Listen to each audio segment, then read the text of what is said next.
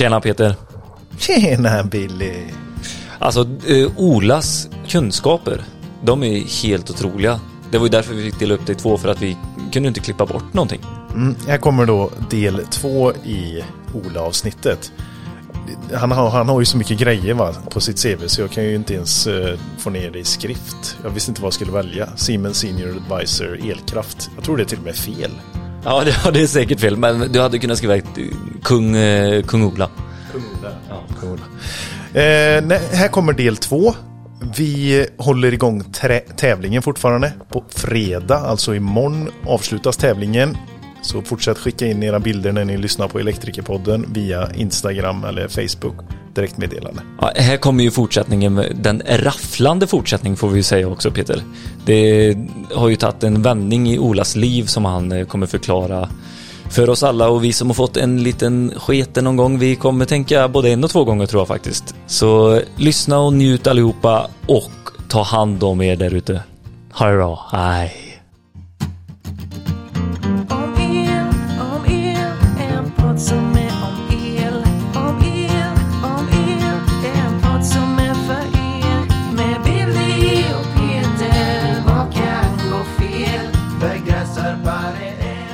Och det som eh, jag kommer ihåg eh, är ju en historia som du berättade på, på auktorisationsutbildningen. Ja, just det. Eh, och det var ju när du åkte runt och så satte de här olika, har du varit med om själv att du ska fasa in som det heter när man ska fasa in en ny generator? Ja, ja det är ju en del av driftsättningen. Ja, precis. Ja, och har du varit med om själv att det har gått helt åt fanders eller? Eh, inte ta tar ju trä på någon av mina egna i drifttagningar. Men mm.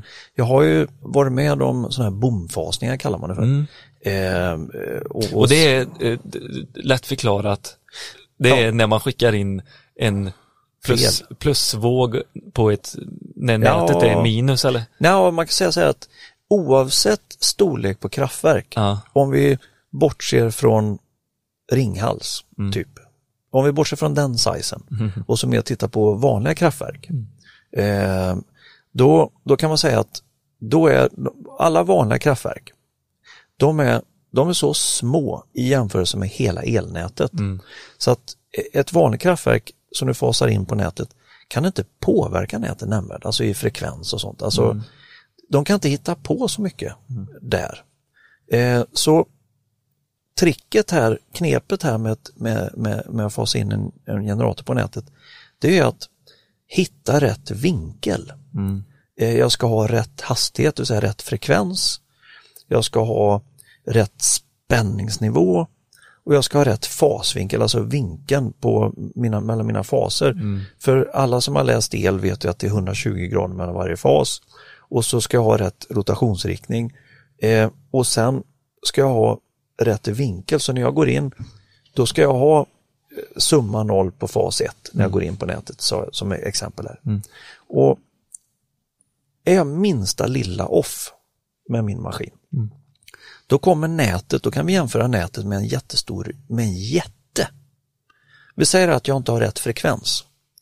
Eh, säg att min anläggning, säg min turbinsträng här nu, den snurrar eh, 25 långsammare mot vad nätets 50 Hz eh, Och så fasa in maskinerna. Tjopp. Då kommer nät i samma ögonblick som jag har kontakt med nätet. Då kommer nätet gå in med en jättehand så här. Det här går på en nanosekund. Mm. Eller ännu snabbare förresten. Och så kommer den här jättehanden att greppa tag i den här rotorn som generatorn sitter på. Och så bara knycka till den lite lätt så att den har samma hastighet. Den kommer rätta till allt så det har exakt samma hastighet i samma ögonblick som jag kommer in på nätet. Mm. Och om ni nu föreställer er att en sån här rotor som generatorn sitter på, på samma rotor sitter det en, två turbiner på. Och de här, vi kan snacka, vi kanske pratar 30 meter lång rotor. En 30 mm. meter lång rotor på eh, nästan en meter i diameter. Rent stål. Det är en rätt tung sak. Sen själva generatorn. Vad, uppskattningsvis, vad, vad, vad snackar vi tyngd? Är det flera hundra ton eller flera tusen ton? Vi eller? pratar ju, nu pratar vi tusentals ton. Det är så? Mm. Och sen har du generatorn som mm. är stor, större än vad min husbil är. Mm. fast bara med koppar. Eh, bara den väger ju tusentals ton. Och sen har vi turbinerna med sina tusentals ton och mm. växlar och mer. Nu snackar vi flera hundratusentals ton. Mm. Mekanisk energi mm. som blir av att jag snurrar nu hundratusentals ton snurrar jag med 3000 varv per minut så här runt en axel. Ni kan ju tänka er den mekaniska energin längst ut här. Vilken oerhörd rörelseenergi vi har här mm. som går. Tänk nu att en jätte går in på ett ögonblick och bara nyper till den så. Tick! Vad händer med den här energin då liksom? Vart tar den vägen? Exakt. Det är nu vi har effekter. Det blir lite så sket i byx. ja, ja. Eller? Det går ju inte obemärkt förbi. Nej. Utan, inte ens tesked blött hade räckt. det, det jag har haft, tar jag till det, förmånen att ta del av sådana, det är ju, då har det inte skett några människoliv och sånt. Eh, för de, i modern tid när vi fasar in ett nytt nätverk, eh, kraftverk på nätet, då, då, ska det vara, då, då har vi vakter, då är det rent i, i hallen, liksom. man får inte vara där då. Liksom. På grund av att det kan ju enda grej. Som driftsättare så är det ju mitt jobb att hitta alla fel. Mm. Eh, och det är inte nödvändigtvis i förväg jag hittar dem utan mitt jobb är att stressa fram och säkerställa att det inte är något fel. Så jag, jag provar ju anläggningen bokstavligt så kör jag den jäsingen åt ena hållet, sen andra hållet och hit och dit mm. för att se att det håller som det är tänkt. Liksom. Och är det något fel någonstans, då uppstår det där. Fan, eh, blir du aldrig rädd eller? Jo, jo, det har hänt. Ja. Eh, eh, men bomfasa, det är någonting annat. Ja, men då, eh, du, du åkte på en sån jäkel alltså? Eh, inte då. Eh, nej, inte nej. Då, utan bom... Du har ju, all, han sa att han aldrig har varit med om det själv. Nej, för, för, för, för det vi pratar om så här olyckor, ja. då är det ju, sånt ska inte behöva ske. För att om du genomför kontrollerna som du behöver göra för att säkerställa att anläggningen är safe, ja då hittar du om det är ett sånt fel som kan orsaka en sån grej, då hittar du det felet. Mm. Så att om du bara har kontrollerat, gått igenom allt som du ska, ja då, då bomfasar du inte. Då funkar det. Men om du har otur och ja, cyklar i diket på något sätt med någonting så du har missat saker eller missuppfattat. Någon parameter eller, liksom räcker Ja, eller ja, du får missuppfatta grovt. Aha, men okay. det händer. Det, händer. eh, det är klart, då kan sånt här hända. Ja. Och, och då har jag sett hur det i princip det har i princip bara hoppat rätt upp i luften, förflyttat sig några meter åt sidan och lagt sig ner. Liksom. Alltså flera hundratusentals ton? Ja, det är ofattbare krafter. Liksom. Ja. Men har, eh, vart var den här anläggningen som du var och tittade på? Där ja, det kan nog inte säga var. Nej, okay. Eh, eh, för, för, det var, ja, men sånt, det var ett generalfel sånt, eh, som ja, man sånt händer ja. när man inte kontrollerar allt man ska göra. Mm. Mm. Om du tar på dig... Vad var din uppgift då när du var där? Var det att... Nej, då, det var en ren besiktning och ah, titta, okay. eh, undersöka vad som har hänt. Ah. För eh, det är alltid en massa tvistemål och diskussioner och utredningar. Vem, vem har gjort fel? Är det fel på grejerna? Och... För det här har ju kostat, alltså bygga upp en sån anläggning kostar ju otroligt mycket pengar. Ja. Och då så antar ju att den här inte går att ta i drift efter en sån. Nej, nej. Det... Den är helt skrot, det är bara smälta ner och börja om eller? Ja, inte allt, men det mesta. Ja. Eh, det, ja, det går inte att föreställa sig. På en nanosekund? Och det, det är ofattbart. Det måste dunka till så Ja, helvete i hela... Det, det, det, det, räcker med att du kopplar fel mättransformator mm. av normal lite storlek så smäller ju det så högt så att du, ja, det, det ibland spränger de här eller vad är, mm. är det någon militärövning? Alltså det, det, det har jag hört live några gånger. Mm. Eh, inte när jag har gjort det såklart, men eh, när eh, ja, typ några som har mätburkar bredvid eller längre upp och så, mm. ja, då kör vi då. Och så bang säger det liksom. Det, för, fan vad läskigt alltså. Ja, det är skitläskigt. För, för det, det, är så mycket, det är så hög spänning. Det kanske inte är så mycket ström än på de anläggningarna, men det är så... Nej, det är om man tänker en mättransformator, om tar en strömtransformator. Den är ju, den måste ju ha last på sig på sekundär, alltså den, den, får inte vara öppen för, för då bygger den ju upp en effekt i oändlighet. Mm. Och, och, det går ju så fort att det blir ju som, när den brinner upp så blir det som en explosion. Liksom. Mm. Boom! Så en sån måste man ju bygla ihop på baksidan, alltså mm. bygla ihop, sy ihop, eh, om man ska använda den mm. när du spänningssätter allting. Och glömmer du nu att bygla en sån historia, ja då smäller det ju när du, sätter, när du drar igång allting. Mm. Sånt händer ju. Och det är ju slarv.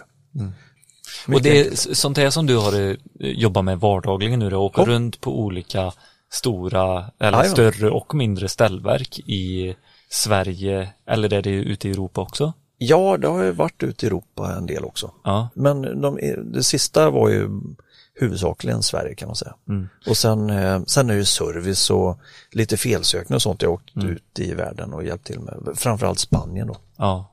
Men för de som har varit på ett ställverk någon gång och grejat, då ser man ofta att det är någon killar och tjejer som går runt med en typ fem permar och går från fack till fack och skåp till skåp och eh, ser ganska bistra ut och inte pratar med någon. Nej, och det kan jag förklara varför. Ja. Eh, först och främst så har det ju de sista tio åren börjat komma tjejer. Mm.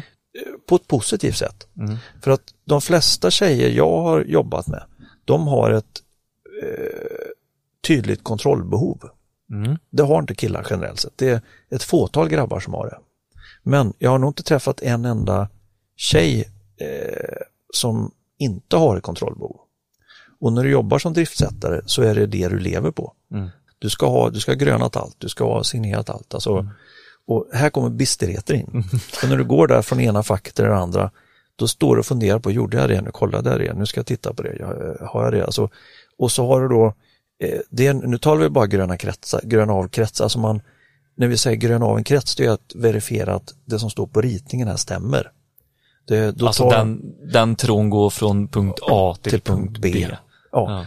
Som om ritningen säger att den går från A oh. till B, då kollar jag att den verkligen gör det och sen tar jag en vanlig överstrykningspenna som är grön, bokstavligt talat, och så grönar jag den så här. Mm. Och det, jag vill bara förklara för dig också Peter, alltså det är ett, i ett ställverk eh, består det av x antal, alltså eh, tiotal eh, skåp som är stora som eh, ett eh, kylskåp. Och i det kylskåpet så kommer det upp x antal mångledare. Och i en sån mångledare är det liksom 150 ledare, eller nej, ja, det kanske jag överdriver, men alltså det, det är så mycket det är så mycket tråd, alltså kabel med så många ledare i som du man, man brukar säga att eh, i genomsnitt på ett mellanspänningsställverk, alltså det som är, man ser på industrierna eller transformationsstationer, så generellt så brukar man säga att det, det, tar ungefär en dag per fack, per skåp eh, och, och, kontrollera att det är okej. Okay, liksom. Mm. Sen får du lägga till ytterligare dagar för att kontrollera all kontrollutrustning. Känns ganska eh, stort, ett stort ansvar att komma till jobbet. Alltså har man utrymme för dåliga dagar? Nej, och, och då är vi inne på min egen olycka som jag råkade ut för då. Mm. Ja, eh, kan du inte och, och man kan säga att det var ett sånt ställverk kan man säga, fast jag hade varit ute på ett jobb. Mm. Eh, jag hade precis kommit hem från en driftsättning. Mm. Och en, i, i drifttagning för mig på ett vanligt ställverk, då pratar vi 90-95 timmar eh, arbetstid. Mm. Och jobbar man då en, eh, ja, en vanlig drifttagning kanske tar, säg två, två veckor det sista, när roterande prov, lastprov och allt vad det är, innan man, och med infasningen där. Mm. Då, ja, säg att man kör 90-95 timmar, två veckor i sträck. Mm. Då är man rätt mör i huvudet när man mm. kommer hem. Och den här eh, kontroll, kontrolldelen och har jag gjort ja, det rätt och gröna jag rätt här nu? Var det den jag mätte? Ja, och sen har du det att när du fasar in en maskin på nätet, då är det ja. det som jag beskrev förut, vad som kan hända när det blir fel. Ja. Så att när du sitter där i stolen och du vet att det är du som är ansvarig nu. Mm. När, du, när du trycker på den knappen där, mm. om, om, om det nu är fel någonstans, då kan hela skiten hoppa ur bockarna. Mm. Eller ännu värre, folk kan dö. Liksom. Alltså det, är mycket som kan hända. Mm. Så det här är rätt mycket du har på axlarna när du fasar in maskinen. Eh, och sen förutom det så har du ju alla underentreprenörer bredvid dig. Du har kunden, du har massor med folk, alla vill ha svar, alla vill ha ditt beslut och får jag göra det, är det okej? Okay? Och så här. Och så att du jobbar rätt intensivt under två, tre, ja ett par veckor säger vi. Mm. Eh, så när du har fasat in en maskin på nätet och är klar, då, då börjar man släppa garden. Axlarna åker ner lite. Och... Ja, det, man blir rätt trött. Ja. Så jag hade varit, jag för mig, jag, jag, jag vet ärligt talat inte vart jag var någonstans. Men eh, säg att jag kom hem från Spanien från ett sånt jobb. Och så skulle jag vara ledig två dagar. Då fick jag eh, meddelande från min chef att be mig till och hjälpa eh, några kollegor i Stenungsund. Som de hade problem, Vattenfall hade problem med ett ställverk där.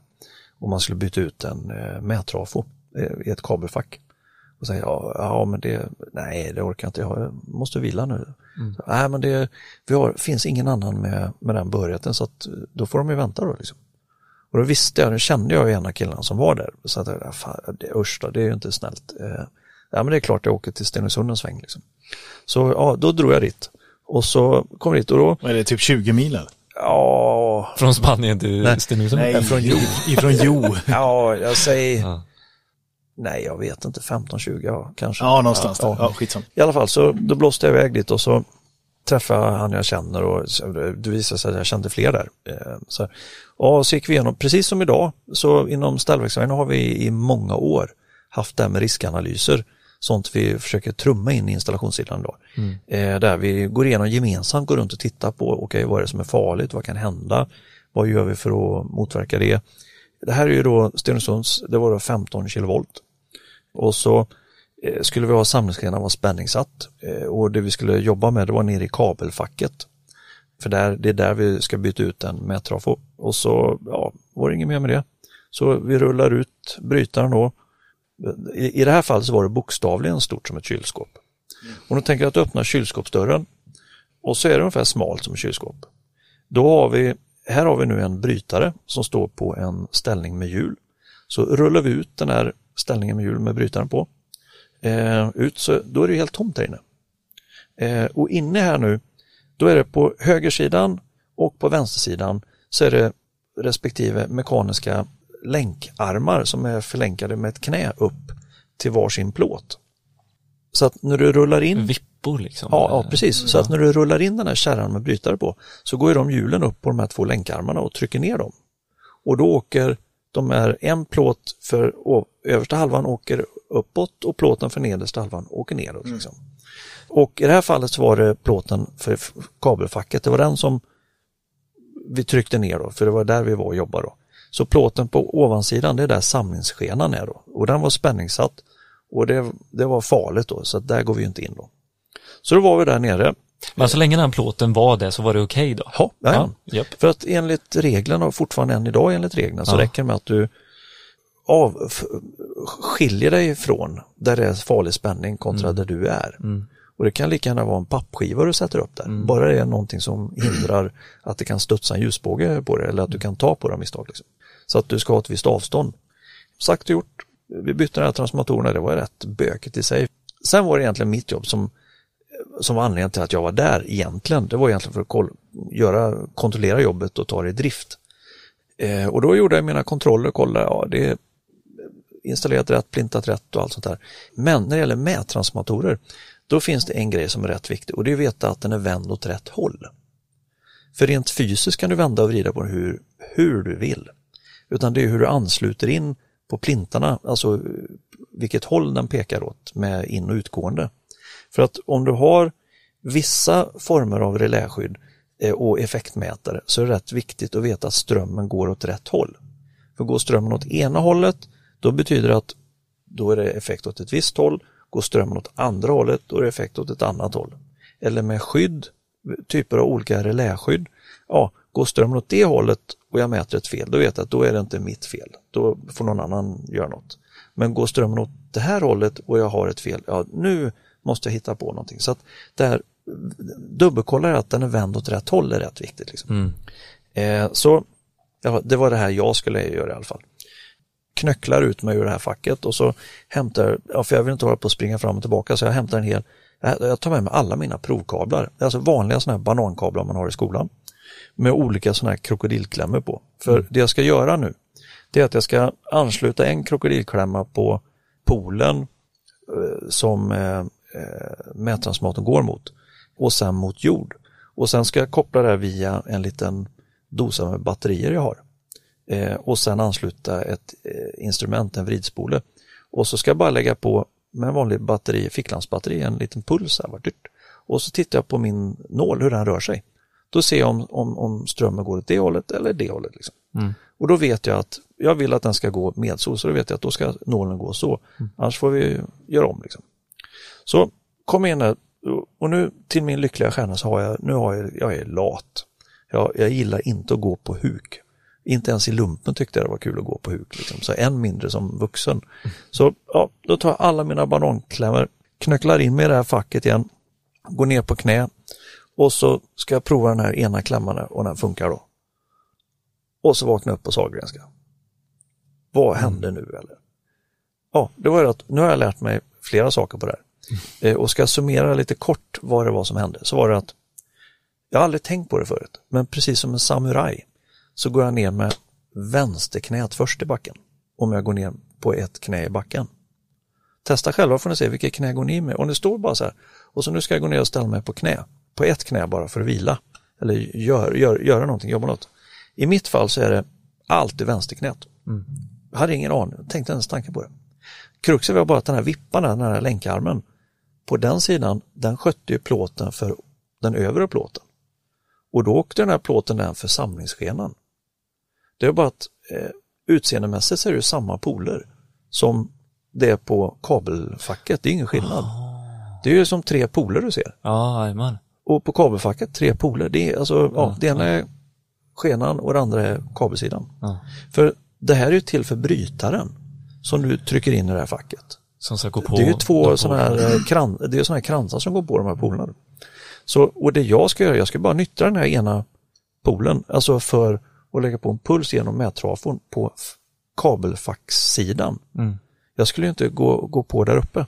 Det var bara att när jag ner med vänsterknät, plåten åker upp där samtidigt som jag fiskar med mig mina kablar här. Mm. Och så, ja, polen, eh, tredje eller andra fasen vad det var. Ja. Oh shit. Mm. Okej, det som hände nu då, det var då att jag öppnar plåten för samlingsskenan och blottar polen. De är spänningssatta nu. Med 1500? 15 000 volt. Eller med fem, ja, ja precis. Med och, 15. Mm. och sen när jag närmar mig den här spänningssatta polen, då står jag med ena handen på eh, en jordskena i facket och så tar den andra mot polen här. Eh, och nu studsar en ljusbåge när jag kommer tillräckligt nära till min hand, klämma där nu. Men tack vare nu att jag har så många kablar i näven. Så den ström som hinner bli med att jag är en krets här nu. Jag bildar en krets från högerhanden till vänsterhanden. Mm. För nu, jag håller med vänsterhanden i, i jordskenan mm. och går på en plusskena här nu med högerhanden. Det är egentligen en optimal strömgenomgångskrets här. Det är att den mesta strömmen går ju via de här provningskablarna ner. För att ström, precis som vatten, tar alltid enklaste vägen. Ström tar alla vägar det kan, men förr eller senare kommer det välja enklaste vägen med merparten och så allting kommer komma fram till slut. Så att den här ljusbågen som gör att jag bildar en, utgör en del av kretsen, en krets nu, gör så att den mesta strömmen går via provningskablarna ner i plåtgolvet, för de släpar ju i backarna nu. Där är ju kretsen. Samtidigt som en ljusbågsvack går in och reagerar. Klick! Den är ju supersnabb jämfört med vanliga reläskydd. Mm. Så den bryter ju matningen nu mm.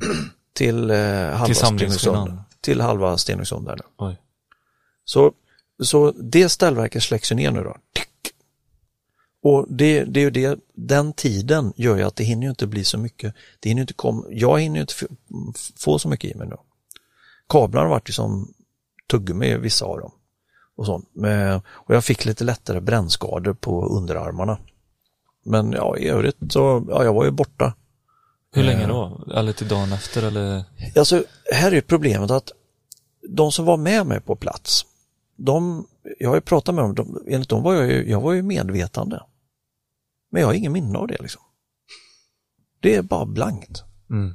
Det är lite hokus pokus. Ja, det är lite Harry Potter över det liksom. Men kan, kan du uppskatta, eller gick det uppskatta hur mycket du fick genom? Nej, det, alltså, det går ju inte. Nej. Jag vet inte hur mycket som tog, men om man tänker så att med tanke på att det, det räcker med milliampere mm. för att eh, hjärtat inte ska klara mer. Mm. Så och onekligen klarar det mig så att det var ju tack vare att det mesta tog i kablarna ner i backen. Mm. Eh, och sen hann det bryta tillräckligt snabbt. Mm. För det som är farligt för människokroppen, det är mängden ström och eh, tiden. Tiden, ja. ja. De två tillsammans, det är det som gör hur mycket skadad du blir. Liksom. Mm. Mm. Och eh, det som hände här nu, det var att jag kom till sjukhuset, vaknar upp på traumaenheten där eh, och de håller kvar och observerar mig i ja, en och en halv, två dagar. Och sen, eh, ja, nej men det ser, verkar ju okej med hjärta och sådär. Liksom. Så ja, skicka hem mig då. Och den här verken, fruktansvärda verken jag har i hela kroppen, mm. förklarar ju läkarna då att det beror ju på att min kropp har ju krampat ihop. Ja, det är som en träningsverk nästan. Ja, det är som ett epileptiskt anfall ja. under ett ryck. Liksom. Mm. Så att, och det tyckte jag, ja jag har ju tränat så mycket hela mitt liv så jag tänkte det är logiskt. Liksom. Jag köper resonemanget, ja. helt klart. Liksom. Så här, eh, Bevis ja. på att du har muskler. Ja, ja exakt. Så, så, De är kraftiga. Ja, men det, det här var lite sådär, så, ja. Tack för det. Ja, och sen går tiden liksom. Mm. Eh, så här, och de här brännskadorna jag hade, liksom, det läker, det var inte så farligt. Liksom, så här. Men så efter, ja, efter några år började jag känna lite så här i kroppen. Liksom. Börjar få problem med knäna, höfterna. Börjar få ont liksom, stå på stegar och jobba så här och kunna gå i trappor. Jag brukar alltid ja, springa eller cykla lite då och då. Och jag börjar få problem med det liksom. Eh, inte konditionsmässigt utan jag börjar få konstiga verk, verk i musklerna. Liksom. Mm. Och, och, stel och kunde få ont i leder. Så det, jag kunde, till slut så hände det att jag var ute i sådana stora ställverk och bar de har sådana här eh, reservdelar som kanske väger 10-15 kilo. Och då ska du gå upp på en stege 5 meter. Och så ska du hålla i den ena delen och skruva och plocka den, den andra delen och byta plast och så. Det är ju, det är ju rätt tuffa fysiska belastningar i kroppen. Mm. Men jag har aldrig haft problem med det förut. Och plötsligt så började jag få ont och värk och hit och sen, sen var det vid ett tillfälle, det var ute i Skåne, Åstorp någonstans där på något större ställverk. Då kom jag på mig själv att jag kan inte gå. Jag stod mitt ute i ställverket och det gjorde så fruktansvärt ont i kroppen så jag kunde inte röra mig fläcken. Så jag bara stod och väntade tills det värsta gav sig. Och, och sen tog det mig nästan, jag vet inte hur lång tid det tog mig tillbaka till bilen. Mm. Och insåg att nej, jag måste söka hjälp, det är något som är fel. Nu har jag tur. Nu kommer jag till en företagsläkare som engagerar sig. Som kopplar in lite fysioterapeuter ja, och lite, som, som, har koll på läget och också engagerar sig. Liksom. Mm.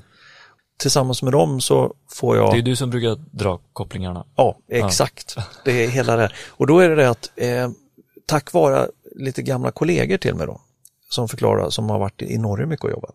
De förklarar att ja, det, det är elrelaterat. Liksom. Så då tipsade jag min läkare om det. Liksom. De tror mycket på, jag var ju med om en elolycka här för några år sedan. Liksom. Så, ja, så började de, det fanns ju ingen forskning i Sverige att I Örebro har man läst lite, forskat mm. lite. Eh, men det är rätt så fräscht, nytt. Däremot Norge har man hållit på i många år och forskat i det här. Okay. just kring elolyckor? El, exakt, och, eh, strömgenomgång. Mm. Så där börjar vi ju hitta lite material och så. Mm. Och för att beskriva det här väldigt enkelt så kan man säga att Hela kroppen består av eh, nervtrådar som kopplar ihop min hjärna med vad som händer i min kropp. Och det är ungefär som jag har elkablar i ett hus. Jag har en matning in här och sen är det tack vare att jag har en eltråd där till lampan som gör att det, det lyser här, för nu har jag en krets med ström. Och på samma sätt jobbar min hjärna. Det är bara att de här nervtrådarna, det är mitt eh, fastighetsnät kan man säga i min kropp. Mm. De är dimensionerade för att bära en mycket pytteliten laddning, e- mm. elektrisk laddning faktiskt. Eh, om jag nu har en, en, en storlek på den här laddningen som motsvarar 0,00006 eh, ampere. Och min, mitt system är dimensionerat för så stora laddningar. Och jag trycker på 60 ampere istället. Det säger sig självt att de här kablarna kommer bara pff, försvinna så. Liksom. Mm. Eh, det är det ena som händer. Och, och det här finns det här finns och det här tror jag kan vara nyttigt för många installationselektriker. För i Norge har man nämligen tittat lite utifrån det här att en sån här gammal skröna man säger om, om gamla elektriker, det är att de har alltid ont i axlarna. Mm. För de står ju alltid och skruvar med armarna upp gallet så här. Men det stämmer inte. Målare däremot, industrimålare, de står mycket med armarna upp i vädret regelbundet. Mm. Men de har inte den här åkommen. Mm. Men är det elektriker som egentligen kryper runt på alla fyra väldigt ofta, de borde ha ont i ryggen istället. Men nej, man säger axlarna. Och då säga att i Norge, om vi tar det här exemplet med de här nervtrådarna som ett mm. fastighetsnät istället. Det som händer när du kommer åt en elkabel eller vad det är, eller ett eluttag, du får en liten stöt, Bzzt, oh jäklar. Ja. Det som händer är att alla de nervtrådarna som är kopplade till det, den punkten där du fick stöten nu, mm. kommer ju brinna upp nu. För det är sån hög last så att de klarar inte av den lasten, de brinner upp. Normalt sett så växer ut nya nervtrådar. Det är bara att det är inte alltid alla nervtrådar växer fram. De kanske bara tar sig halvvägs, fastnar i nacken mm. eller runt axlarna eller vad det nu kan vara någonstans. Mm. That's it. Och sen går tiden. Sen, de, tror, de vet ju inte att de har stannat här uppe i axlarna. De tror ju att de är här nere vid fingrarna. Mm. Så att de kommer börja signalera allt möjligt när de tror det är grejer på gång och vad de håller på med till hjärnan, för det är, det, det är deras jobb. Liksom. Så att då blir det att då får jag ont i axlarna och stel, alltså jag får konstigheter i axlarna. Ja, det är sån här yrkesskada. Det, det är alltså ifrån att det man har fått inte... stötar ja, det i behöver... yrket? Ja, det behöver alltså inte vara förslitningsskador. Nej. Mm. Det kan lika gärna vara nervskador. Ja. Mm. Och det har man kommit fram till genom forskningen? I Norge. Ja. Mm. I Men... Sverige kollar man inte ens på det här.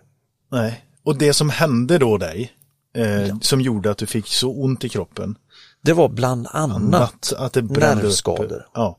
Och det... Var det att nerverna hade börjat växa tillbaka och, och ja, det försöker vet man ju inte. Och Rent fysiologiskt så, vet Ja, du vet, man, man kan säga att jag testade ju jag gick ju under lång tid på yrkesmedicin i Göteborg och, och provade alla möjliga tester ja. hit och dit. Mm. Och då kan man säga att de här nerverna som går till musklerna som gör att jag kan böja och gå och sånt, de nerverna har ju klarat sig, alltså, de är ju ja, på plats. Ja.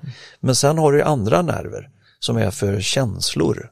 Alltså för att känna värme, temperaturer, kallt, varmt. För att kunna känna, om du tar händerna och, och fötterna så har du ytterligare en dimension av nerver som gör att ja. Eh, om du sticker ner handen i fickan så kan du ju bara genom att känna, så kan du känna om det är en enkrona eller ett gem. Men det kan du inte göra med armbågen. Nej. Nej, inte är det. Och inte samma nerv. Om du tar bort de nerverna. Bra insikt till alla lyssnare. Jo, men faktiskt. Mm. För jag, jag har ju inte kvar de nerverna. Mm. Det är det som gör det, du känner inte detaljerna. Nej, om jag går ner i fickan med min hand så här, ja. så kan inte jag känna om det är ett suddgummi, en enkrona. Eller, eller pingisboll. Eller pingisboll. Jag klämmer jag på det och det gör ont så vet jag att nej, det var ingen pingisboll. Så, så, det är det andra nerver ja, som går in. Ja. Så där har vi en grej som gör att jag kan inte stå in och känna mig fram lite med kopplingar längre. Nej. Jag måste ju se, för jag kan ju inte känna vad jag tar i. Ja. Om jag tar min ficka nu vintertid med snorpapper och nycklar och jag ska bara upp nycklarna jag tar ju upp det jag har i fickan för jag, jag känner ju inte vad är det jag tar i. Ja. Och det är ju frustrerande. Mm. Men på samma sätt har ju andra nerver stannat och de är inte, de är inte okej. Okay. Mm. Så att då blir det att vid olika belastningar och sånt så då får jag ju ont. Eh, och det är en, en konstant ökad smärta som kommer. Mm. Eh, samtidigt som jag har kronisk smärta. Mm. Utifrån att de ligger och signalerar saker, de tror det är fara på färden när det inte är det. Liksom. Sen hade jag ytterligare en eller har och det är att eh, muskelhinnor och ledväskor och sånt har ju tagit stryk när det har brunnit i kroppen på mig. Eller magnetfält eller var, var de här effekterna varit. Det vet man ju inte heller. Mm. Men det var ju då att i både benen och armarna så hade det här uppstått vad man kallar för compartment. Det är något som vissa idrottsmän kan råka ut för eller gamlingar eller så här att det är att muskelhinnornas elasticitet minskar. Mm. Som gör att när du går i en trappa eller står på en steg eller tränar, då en muskel den sväller ju när, den, när du börjar pumpa den. Och om då muskelhinnan inte hänger med, då blir det ungefär som du har en slalompjäxa på dig. Det håller ju bara fast där. Mm. Och till slut kan det ju sprängas då. Så eh, där har man ju fått gå in eh, helt enkelt i armarna och benen och skurit upp och så har de fått klippa upp de här eh, muskelhinnorna. Mm. Och så låter man dem ligga och så syr man ihop allting igen sen, alltså runt omkring. Och sen får muskelhinnorna växa ihop. Mm. Och då får du liksom några procent ökad rörlighet. Utrymme. Ja. Mm. Sen har man öppnat upp armar eller händer och, och ben på dem och flyttat på nerver och sånt där liksom. Eh, för att ja, avlasta då. Så Helt det, otroligt alltså. Och, och, allt det här det kom först efter ja, några år och typ ja. när det gått fem år kanske. Ja. Då hade man något att ta på. Och det var tack vare att jag hade en engagerad läkare. Mm. Annars hade jag, precis som många andra av mina gamla kollegor, bara gått där och haft ont mm. och trott att ja, ja, jag börjar komma upp i den åldern nu liksom. Mm, mm. Men man Men, behöver inte ha ont. Mm. Alltså man ska inte ha ont. Nej. Men har du, ehm, du, du går med eh, medicin i ja, smärtstillande? Ja, det, jag har det är det enda som hjälper egentligen för smärtan? Ja, det är ju pest eller kolera så att säga. Eh, och det här är ju de här fysioterapeuterna som hjälper mig med det här. Ja. Det är att eh, om jag inte tränar musklerna mm. i någon form, då kommer ju de muskelmassan att minska. Mm. Och förr eller senare kommer den att minska så mycket att det blir mitt skelett som bär upp kroppen. Mm. mm. Och tyvärr har jag ju brutit sönder det så många gånger i, förr i andra sammanhang. Så att ja, jag måste ha muskler som bär upp kroppen för annars blir, annars blir för stor belastning på. Det blir något fruktansvärt ont i så fall. Mm. Eh, så nu är det kontinuerlig styrketräning? Eh. Det går ju tyvärr inte. Nej. För jag kan ju inte ens gå i trappor, jag kan inte stå på en stege utan att jag, då vet, om, om jag om jag står på en stege hemma och rensar stuprören en söndag, ja. då vet jag att då kommer det som brevet på posten. Då kommer jag ligga som en fällkniv på kvällen sen och bara vrida mig i ont. Mm. Det enda som hjälper då, det är ren smärtstillande. Jag trodde du skulle säga ren sprit. Ja, ja men det är morfin ja. eller alkohol. Mm. Ja. Och, och, jag har ju både och hemma. Det är så. Ja, mm. Eh, men sen, man kan dela upp man kan förklara smärta det är ungefär som det är två skikt med smärtor. Mm. En sorts smärta som jag har konstant och den kan jag gradera då 1 eh, till 10. Det är olika dagar, olika mycket då, beroende på hur landet ligger. Liksom. Sen har jag ytterligare ett skikt med smärtor och det är mer relaterat till hur mycket jag belastar kroppen med och hur jag har belastat den. För det kan vara att jag sitter i en bil en dag idag mm. och reser, eh, så ökar jag och minskar den. Så att det det handlar om det är att kunna ja, så länge jag kan hantera första skiktets smärta i kombination med hur jag hanterar andra skiktets smärta, då kan jag hålla det på en sån nivå att jag inte behöver smärtstillande, utan jag kanske kan med hjälp av musik somna. Meditation klarar av att somna. Eh, men har jag gjort någonting så vet jag att då är det omöjligt att somna. För då gör det så ont så det går inte att slappna av. Men med andra ord, har, har, du lärt dig att leva med detta? Med ja, ja. Smärtan, det, liksom? Kronisk smärta, alla som har det får ju på något sätt lära ja. sig och Ja, man får gilla läget på något alltså, ja. Det är ungefär som att du kan inte göra någonting åt det. Nej. Och då blir det att en viss del av den här kroniska smärtan, mm. det blir ju plötsligt naturligt. Mm. Så att det som var, om vi håller oss till skala 1 till 10, det som var en sjua för mig förut, det kanske är en trea idag. Mm.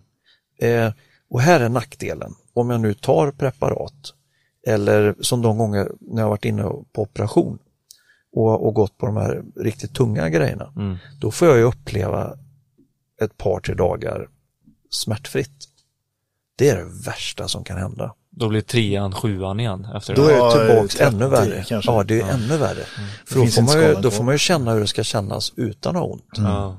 Och, så, och det är helt fruktansvärt. Och, och, och behöva utstå att inte ha ont. Mm. För, för att, att, då gå tillbaka till vardagen igen, det är, ja. det är brutalt. Ja. Så att det, man lär sig leva med det. Så att för mig idag så handlar det om promenader, eh, golf, allt sånt får jag ont, ännu mer ont av. Men då gör jag saker som jag tycker är lite roligt i alla fall. Mm. Plus att jag måste hålla igång kroppen. Mm. Jag har ju en liten gård hemma så jag har lite gårdsarbete och sånt så jag håller alltid på med lite fysiska, mm. alltså som, som kräver kroppsarbete. Mm. Och hade jag inte haft det, då hade jag fått gå på ett gym i någon form. Mm. Om man ska tänka proaktivt som eh, installatör, yes. eh, när man råkar ut för en olycka i arbetet, när man får ström genom kroppen. Yes. Vad har vi, eh, vad har vi då? Jag vill säga att steg ett, innan du får den här strömmen i kroppen, som installatör, följ reglerna. Då får du inte den här strömmen ner. Mycket enkelt. Mm. Punkt. Mm. Eh, men om du nu är fredag eftermiddag och du slarvar, du skyndar dig och där åkte du på en, en liten eh, buse. Eh, traditionellt sett så skäms du över att säga att du åkte på en stöt. Gubbarna i baracken eller på arbetscentralen eller vart det nu är kommer säga att ja men det ska en grabb tåla, en liten stöt. Glöm det, det stämmer inte. Oavsett som vem. det är att du ska alltid uppsöka hjälp, alltså vårdcentral eller liknande. Alltid, kategoriskt. Om det så bara var i lillfingret du stötte på, pang. För det finns två aspekter och då kommer vi till din andra fråga du hade förut. Om eh, försäkringar ja, och sånt. Hur är man försäkrad ja. och täcker försäkringen alla de skadorna och, man... Och då, då är vi inne på att alltid söka läkare på grund av att har du åkt på en, en eh, blodpropp, det kan ju dröja flera timmar. Ja, för alltså, dig dröjde det flera år. Ja, det var inga proppar. Nej, men ändå, alltså skadan. Ja, då är vi inne på skadan. Mm. Men du tar det som kan kosta dig livet. Ja. Det är att du kan ju eh, få en stöt nu och om tio timmar så har du en propp som går runt systemet som inte har löst upp sig. Och så når den din hjärna. Mm. Och, och då är du själv hemma och ligger och sover och då bara dog du där. Eller så sitter du och tittar på tvn och bara trillar ihop eller är på affären och trillar ihop en hög. Om ingen vet om att du har varit med om en elolycka, då är det ingen som vet varför du säckade ihop. Du ska absolut inte ligga ensam hemma, alltså 12, de första 12 timmarna efter en elolycka. Mm. Du, ska, du ska inte vara ensam. Du får ju absolut inte sitta och köra bil. Ja, vid en för du kan ju falla ihop en hög när som helst. Mm. Så att vid en strömgenomgång, direkt sök hjälp. Först och främst ha en kollega som tar dig till en vårdcentral. Mm. Och det finns inget skämmigt över det här. För nu handlar det om att du kanske kan rädda din grannes barns liv genom att inte sätta dig och köra bil själv. För skulle du ha en blodpropp och sega ihop, då kan du frontalkrocka med, de här, med den här mamman som har hämtat sina barn här nu från skolan. Mm. Och det är ju inte trevligt liksom. Så att det är för deras skull som du inte ska sätta dig och köra bil nu. Inte för din egen skull. Den kulturen måste vi verkligen ändra på ja, i ja. vårt yrke. Och, Först och främst att inte, eh, om det kommer någon och säger att jag fick en stöt idag ja, in på firman, då ska man ju reagera. Alltid. På det. Men sen... Och reagera och sen agera. Alltså ja. verkligen inte skratta åt det och säga, ja var det en, eh, gjorde det ont eller Nej, var det, det skratta åt det? Sen har du det att i och med att du är på en vårdcentral eller läkecentral på något vis någonstans och, och registrerar att du har fått en strömgenomgång, det är en mm. arbetsplatsolycka du anmäler då. Då, då. då drar hela maskineriet igång, kanske inte som du ser, men då finns du anmäld som att du har råkat ut för en olycka i arbetet. Mm. Då har vi ju sådana här eh, försäkringar inom, inom arbetet, eh, arbetsförsäkringar, som gör att eh, som förutom dina privata försäkringar så har du försäkringar genom ditt, din arbetsgivare. Antingen du kör eget, då har du en försäkring på ditt företag eller så jobbar du hos någon annan och då du, har ju det företaget försäkringar. Mm. Sådana här arbetsförsäkringar. Och om du får ett problem långt senare efter att du har haft ett problem, ja, har du bara anmält det här och, varit, och kollat upp det här, då kan man relatera till det här flera år efteråt. Mm. Men om du inte har varit anmält dig utan bara hållit käften, ja, börjar du få problem efter några år sedan, då det, finns det inget att relatera till. Så att det, även sett ekonomiskt så ska du anmäla det. Liksom. Mm. Men framför allt för ett, för andras säkerhets skull. Sitt inte i bilen och kör efter att du har fått en strömgenomgång. Även om du så bara brummar till lite i ena knogen mm. för att du någon slog inte från matningen till eluttaget där du skulle göra någonting eller vad det var. Liksom. Mm. Eh, så att det, och försäkring, har du anmält olyckan, då har du arbetsförsäkringar. Mm. Ja, det är jätteviktiga saker och det, det, kan ju låta lite att säga som när du är ett uttag efter den olyckan du har berättat om med ja, 15 000 det, volt. Det, det är ju, återigen, det är ju skillnad på högspänning och lågspänning så tillvida att du kan ju se och ta på högspänning på ett annat vis. Mm. Normalt sett så blir det en fläck på golvet mm. i en sån olycka. Ja, eh, det är som jag, ja förlåt, nu kanske avbröt. Nej då, jag är van. Jag, jag, jag, har varit gift så många år så att det... ja, och hon med. ja, ja, det vet man ju inte. Men eh, det jag tänkte på just det här med att man måste anmäla, det är ju att eh, nu när man har forskningen, om den har kommit längre fram, så, så ja, i, kanske inte i Sverige men i Norge då. Ja, ja, då finns det ju ändå möjlighet för försäkringsbolagen att ta del av dem. Ja, men det förutsätter att du kan styrka att du har haft en arbetsplatsolycka. Ja, och då måste ja, du ha anmält det tidigt. Ja, ja, ja. Eh, direkt ja. ska du göra samma då. Men eh, då, då alltså eftersom du får det i jobbet så kan jag ändå känna att ska, ska en sån här skada drabba dig privat som du drar mm. på dig i jobbet ska du ändå tänka att den här försäkringen, den anmälan du gör, kan göra att du får hjälp ekonomiskt som du ja. annars inte hade kunnat klara av. Och arbetsmässigt. Och arbetsmässigt också. Kanske byta yrke. Ja. Mm. Och det, det, ska man ju inte sticka under stolen Nej. med. Det är ganska många som går med krämpor och sånt som man inte Helt riktigt... Helt onödan. Ja. Mm. Fullständigt. Mm. För det är det här gamla, lite mm. ska man tåla. Mm. Eller inte ska väl jag. Ja. Och så eh, kan du inte cykla mountainbike eller Nej. du kan inte skjuta pilbåge om du tycker det är roligt. Eller Nej. jaga. Nej, och det är, det är ren bullshit att ja. man ska inte gå runt och ha ont. Nej. Du, ligga på sjukhus idag, då ska du inte behöva ligga och ha ont. Nej. Men gamla generationen, för dem är det en självklarhet. Ja. Men tro mig när jag säger att är du på ett sjukhus, då ska du inte ha ont. Nej. Oavsett vad folk säger runt omkring dig. Liksom. Ja. Ja, vi hade, mycket enkelt. Ja, herregud. Jag kan prata om tandläkaren i Grästorp. Men eh, eh, vi har en, en sista fråga, Billy. Ja, och det jag funderar på när man hör detta, det är hur, hur, kan man komma tillbaka till arbetsplatsen, till nästa ställverk efter ett sånt trauma som det ändå måste vara? Ja, det, det, får jag säga att det var då, nu är vi inne på eh, vilken arbetsgivare man har. Okej. Okay. Eh, för jag kan säga att själv klarade jag inte av det. Eh, för det var som att jag frös när jag kom mm. in i ett ställverk. Ja. När man känner de här magnetfälten, för allt, då plötsligt så, jag kunde knappt gå, det gick inte att gå framåt. Nej. Jag var tvungen intellektuellt instruera mig själv, ta mm. ett steg framåt, ta ja. ett steg framåt. Mm. Men då hade jag som tur var en, en så pass bra arbetsgivare. Eh, så att, och då, då tillhörde jag Göteborgskontoret på Siemens, så att han som var chef där då, han eh, erbjöd faktiskt eh, för mig att, att eh, ta in en konsult. Mm. Eh, så att vi var två på alla mina jobb. En erfaren kille, jag fick hyra in en erfaren eh, kollega i branschen som var med mig under x antal jobb. Okay. Och då, då lutade jag mig mot att han hade koll och mm. gjorde jobbet. Mm. Och sen var jag med som hans hantlangare i princip och göra sånt som jag kunde egentligen. Mm. Eh, och sen genom att han var naturligt bra och hade koll på så ja, då, då var det lite lättare för varje jobb. Mm. Så det efter, blev lite som en arbetsträning egentligen? Ja, en terapi. Ja. Så eh, efter ett halvår ungefär så då funkar ja då var det helt okej. Okay. Mm. Alltså, men det var att komma igenom det här mentala. Mm. Inget annat. Nej. Och, och, det, men det, det är inget Fast, man har rätt till. Utan... Nej, nej, precis, det har man inte rätt till. Och, och, men framförallt så tänker jag så här att man kanske inte ens vill. Alltså det här med det mentala, men vad, vad var det som verkligen var det att du inte kände att du hade något annat att gå till? Nej, eller? jo, men det finns ju alltid något annat man kan hitta på. Eh, ja. Men, men eh, inte, hade inte det varit den lätta, lättaste vägen att bara lämna det ja, yrket och så slippa jo, tänka mer på Säkert, men kruxet är att eh, för min del, jag älskar ju det här, eh, det är elkraften, mm. ställverken, reläskydden. Det, är ju, det går ju att ta på grejerna. Mm. Jag vet inte hur många alltså projektledare eller säljare. Alltså för mig så är, jag har jobbat som projektledare för. Jag har jobbat som säljare. Eh, för mig så är det, det är flummeri för mig.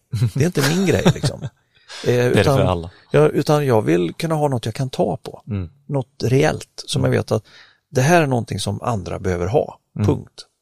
Eh, det här kan jag sätta ihop åt dem, klart. Och sen när jag levererat det, då är jag klar. Liksom. Mm. Det här jobbar jag med. Eh, så att eh, för mig så var det inte ja, det var inte aktuellt, jag, jag mentalt kunde inte gå tillbaka till det andra. Nej. Inte efter att ha fått smaka på vad det här innebär och få vara specialist, att få vara längst ut i frontlinjen och stå där och skruva och fixa och få det att funka liksom och det här det var, nej jag kunde inte lämna det. Mm. Så, så ja, jag tänkte det måste gå det här. Och tack vare att jag hade bra chefer på den tiden då, så ja, då fick jag till mig verktyg och hjälpmedel så att jag kunde ta mig igenom det här mentala. Sen tyvärr, efter ytterligare några år då, så då, då kom ju skadorna ikapp istället. Så då, rent fysiskt kunde jag inte gå tillbaka till det. Nej. Utan, och det var ju, men å andra sidan var ju det bra för det var därför jag började med utbildning då. Mm. Så eh, då halkade jag in på med utbildning och nu är jag ju på väg bort ännu mer så att jag håller på att minska ner mängden specialistjobb. Mm. Eh, så att nu är och fokusera på utbildning. Ja, mm. så att jag kommer väl köra kanske 80 eh, utbildning och så mm. lite konsulting och något enstaka specialistjobb någon gång bara. Att, ja. De resterande 10 procenten där är ju golf. Ja, det, det är egentligen, eh, det, de är 80 procenten, det är 80 procent av 50 procent. det brukar bli så i den där åldern. Ja, jajamän.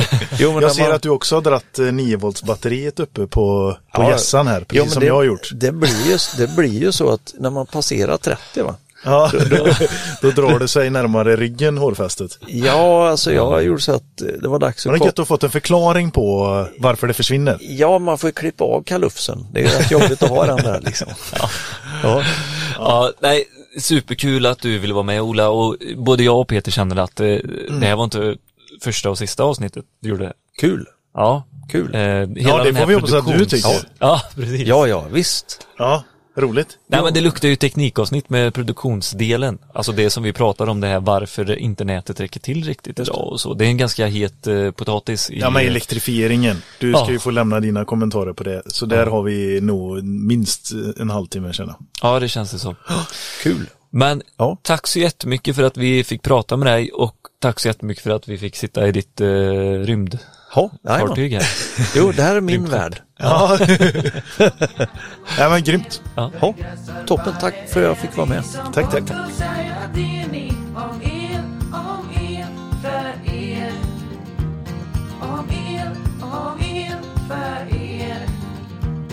Om